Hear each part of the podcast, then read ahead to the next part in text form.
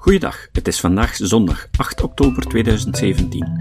Ik ben Jozef van Giel en dit is de 334ste aflevering van deze podcast. Vandaag horen jullie een vertaling van een tekst van Massimo Pigliucci over stoïcisme. Massimo Pigliucci is een Italiaanse genetisch bioloog en filosofieprofessor die lesgeeft aan het New Yorkse City College. Hij was ook een tijdje mede-host van de podcast Rationally Speaking met Julia Galef. Het is eventjes stil geweest hier, maar vanaf vandaag krijgen jullie weer regelmatig een aflevering van deze podcast aangeboden. Ik heb wat verlof genomen en daarna was het zeer druk op mijn werk. Het is er nog altijd druk en ik vrees dat dit zo blijft tot minstens het einde van dit jaar. Ik heb jullie in de voorbije twee jaar met een wekelijkse uitzending verwend. Maar het zal niet meer lukken. Ik zal proberen om een tempo van één aflevering elke twee weken aan te houden. Maar toch is er van alles gebeurd. Je hebt ondertussen misschien al gemerkt dat we een nieuw logo hebben. Een beetje moderner en wat meer gestileerd. Het ontwerp is van de hand van mijn oudste zoon Lucas, die ondertussen afgestudeerd is als grafisch ontwerper. Hij was vrij om voorstellen uit te werken, met als enige voorwaarde dat de theepot van Russell erin verwerkt is. En nu zien jullie het resultaat. Zoals jullie al merkten, is de theepot van Russell al lang het logo van onze podcast. En zowel het Facebook als het Twitter-account dat bij deze podcast hoort, noemen Russell's theepot. We hebben het er in vroegere afleveringen al over gehad, maar voor wie nog niet alle afleveringen hoorde, geef ik jullie graag nog even de uitleg. Bertrand Russell, een wiskundige en filosoof uit het begin van de 20e eeuw, beweerde dat er een theepot in een baan rond de zon draait tussen Mars en Jupiter. Het is voor u onmogelijk om te bewijzen dat die theepot niet bestaat. Maar dat maakt het niet waarschijnlijk dat er effectief een theepot rond de zon draait. Met dat beeld probeerde Russell uit te leggen dat de bewijslast voor een bewering steeds bij de beweerder ligt en niet bij de aanhoorder die er sceptisch tegenover staat. Zo is het aan religieuze mensen om te bewijzen dat God bestaat, en niet aan de atheïsten om te bewijzen dat hij niet bestaat. Eveneens is het aan alternatieve genezers om te bewijzen dat hun middeltjes werken. Op vraag van een van de luisteraars hebben we ook een PayPal-account geopend om het jullie gemakkelijker te maken om ons te steunen. De link kunnen jullie op onze website vinden onder het menu Ons steunen. Ten slotte, begin september was ik te gast bij Gert Late Night Show op de Vlaamse zender 4, waar ik mocht spreken over Moeder Teresa. Je vindt een link naar de opname op onze notitiepagina.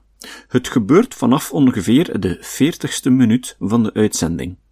Een link naar die uitzending vinden jullie op de notitiepagina van deze aflevering. De filosofie van het Stoïcisme. Je strandt duizenden mijlen ver van huis zonder geld of bezittingen. Een dergelijke toestand zou veel mensen doen wanhopen en hun vreselijke lot vervloeken. Maar voor Zeno van Cyprus werd het de basis van zijn levenswerk en nalatenschap. De eens rijke koopman verloor alles toen hij rond het jaar min 300 bij Athene schipbreuk leed. Met niet veel anders om handen liep hij een boekwinkel in, raakte geïntrigeerd in het lezen over Socrates en begon hij bij de bekende filosofen van die stad te studeren. Toen Zeno zijn eigen studenten begon op te leiden, stichtte hij de filosofie die bekend staat als Stoïcisme, wier leringen van deugd, tolerantie en zelfbeheersing generaties van denkers en leiders hebben geïnspireerd. De term stoïcisme komt van de stoa poikile, de versierde openbare zuilengalerijen waar Zeno en zijn discipelen voor discussie bijeenkwamen. Tegenwoordig gebruiken we het woord stoïcijns meestal in de betekenis van iemand die kalm blijft onder druk en emotionele uitersten vermijdt. Hoewel dit een van de belangrijkste aspecten van het stoïcisme is, was de oorspronkelijke filosofie toch meer dan alleen maar een houding. De Stoïcijnen vonden dat alles om ons heen werkt volgens een web van oorzaak en gevolg, wat resulteert in een rationele structuur van het heelal, dat zij logos noemden. We hebben niet altijd de controle over de gebeurtenissen om ons heen, maar wel over hoe we dingen aanpakken. In plaats van zich een ideale maatschappij voor te stellen, probeert Stoïcijn om te gaan met de wereld zoals hij is door zelfverbetering na te streven middels de vier kardinale deugden. Praktische wijsheid, de kunst om complexe situaties logisch, geïnformeerd en kalm aan te pakken, gematigdheid, de beoefening van zelfbeheersing en matiging in alle aspecten van het leven, rechtvaardigheid, anderen eerlijk behandelen, zelfs wanneer ze fout hebben gehandeld, en moed, niet alleen in buitengewone omstandigheden, maar ook dagelijkse uitdagingen aangaan met duidelijkheid en integriteit. Zoals Seneca, een van de meest beroemde Romeinse stoïcijnen, schreef: Soms is zelfs leven al een daad van moed. Maar terwijl stoïcisme zich richt op persoonlijke vervolmaking, is het geen egocentrische filosofie. In de tijd dat de Romeinse wetten slaven nog als eigendom beschouwden, ijverde Seneca voor hun humane behandeling en benadrukte dat we allemaal hetzelfde fundamentele mens zijn delen. Evenmin zet stoïcisme aan tot passiviteit. Het gaat om het idee dat alleen mensen die zelfdeugd en zelfbeheersing hebben verworven, positieve verandering teweeg kunnen brengen in anderen. Een van de beroemdste Stoïcijnse schrijvers was ook een van Rome's grootste keizers.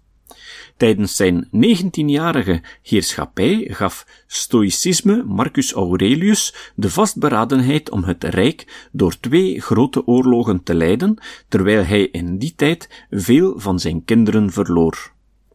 Eeuwen later zouden Marcus' dagboeken Nelson Mandela voorzien van advies en troost tijdens zijn 27 jaar gevangenschap in zijn strijd voor raciale gelijkheid in Zuid-Afrika. Na zijn vrijlating en de uiteindelijke overwinning benadrukte Mandela vrede en verzoening. Hij geloofde dat het onrecht uit het verleden niet kon worden gewijzigd, maar dat zijn volk ze in het heden het hoofd kon bieden en een betere, rechtvaardige toekomst moest trachten te bouwen.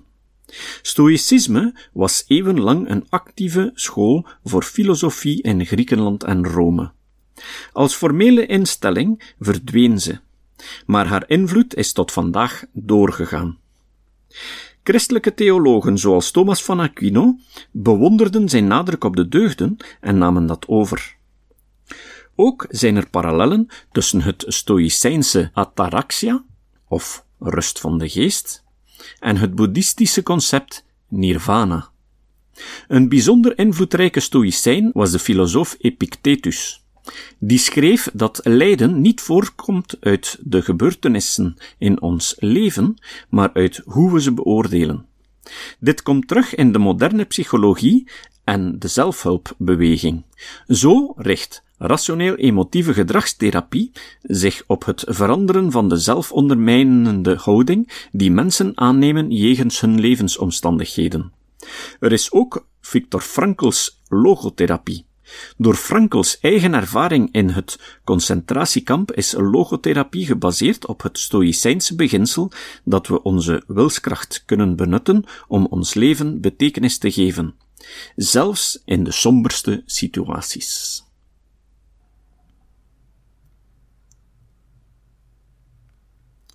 Het citaat. Het citaat van vandaag is ter ere van alle luisteraars die ons op de ene of de andere manier steunen. Door andere mensen aan te moedigen ook te luisteren, door positieve feedback op podcaststreamers te schrijven, door ons geldelijk te steunen of door ons gewoon een mail te sturen waarin ze schrijven hoe ze genieten van deze podcast of hoe het hen heeft aangezet om na te denken, of hen van een of andere overtuiging heeft afgeholpen. Dat soort mails geeft ons moed om verder te doen. Een tijdje geleden kreeg ik zo'n mail van Thomas Westerlaken. Thomas is een jongen van 14 jaar en hij schreef mij: Ik luister altijd met plezier naar uw podcasts en zorg dat ik ook met een andere blik naar de wereld kijk. Verder heb ik nog een klein begin geschreven over het onderwerp veiligheid. U mag dit gebruiken en aanpassen als u dat wilt, maar ik zou graag willen dat mijn naam wordt vermeld.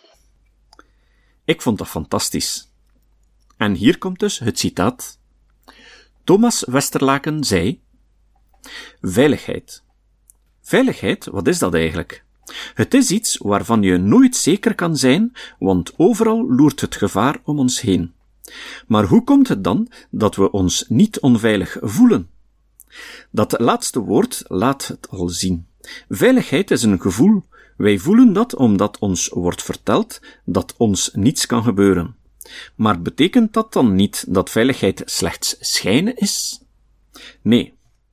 Het betekent dat wij geen gevaren zien of constateren. Toen ik dit schreef, zat ik in een rijdende auto. Ik voel me veilig, net als bijna iedereen die in een auto zit. Maar als het zo veilig is, waarom zou ik dan niet ook gewoon auto mogen rijden? Het probleem van veiligheid is dat het niet echt is. Veiligheid is niet aanwezig. Het is juist de afwezigheid van iets anders, namelijk gevaar. Voel u vrij om in de commentaren van deze aflevering neer te pennen wat er door uw hoofd ging tijdens het horen van Thomas' tekst. Ik zal Thomas erop attent maken. Tot de volgende keer. Deze podcast is het resultaat van het werk van veel mensen. Rick de Laat verbetert bijna al mijn teksten en maakt de meeste vertalingen. Emiel Dingemans verzorgt onze website en Facebookpagina. Ook Leon Korteweg en Stefan Sutens schrijven, vertalen of verbeteren soms artikelen. Leon onderhoudt bovendien het YouTube-kanaal van deze podcast. De muziek van de intro en de trailer heeft Nick Lucassen geschreven, en soms maken we ook gebruik van muziek van Ad van Nederpelt, die ons zijn prachtige composities ter beschikking stelt. Dit was de podcast Kritisch Denken. Vergeet niet om alles kritisch te behandelen, ook deze podcast. Voor verdere informatie over deze podcast, links en voor de tekst, surf naar www.kritischdenken.info. Als je deze podcast belangrijk vindt, kun je me steunen door anderen warm te maken ook eens te luisteren. Stuur een e-mail naar vrienden met een link naar de website en plaats de link in de handtekening van je e-mails. Tevens kun je op iTunes deze podcast een beoordeling geven of een recensie schrijven. Of je kan op je eigen website of blog een link naar kritisch denken plaatsen.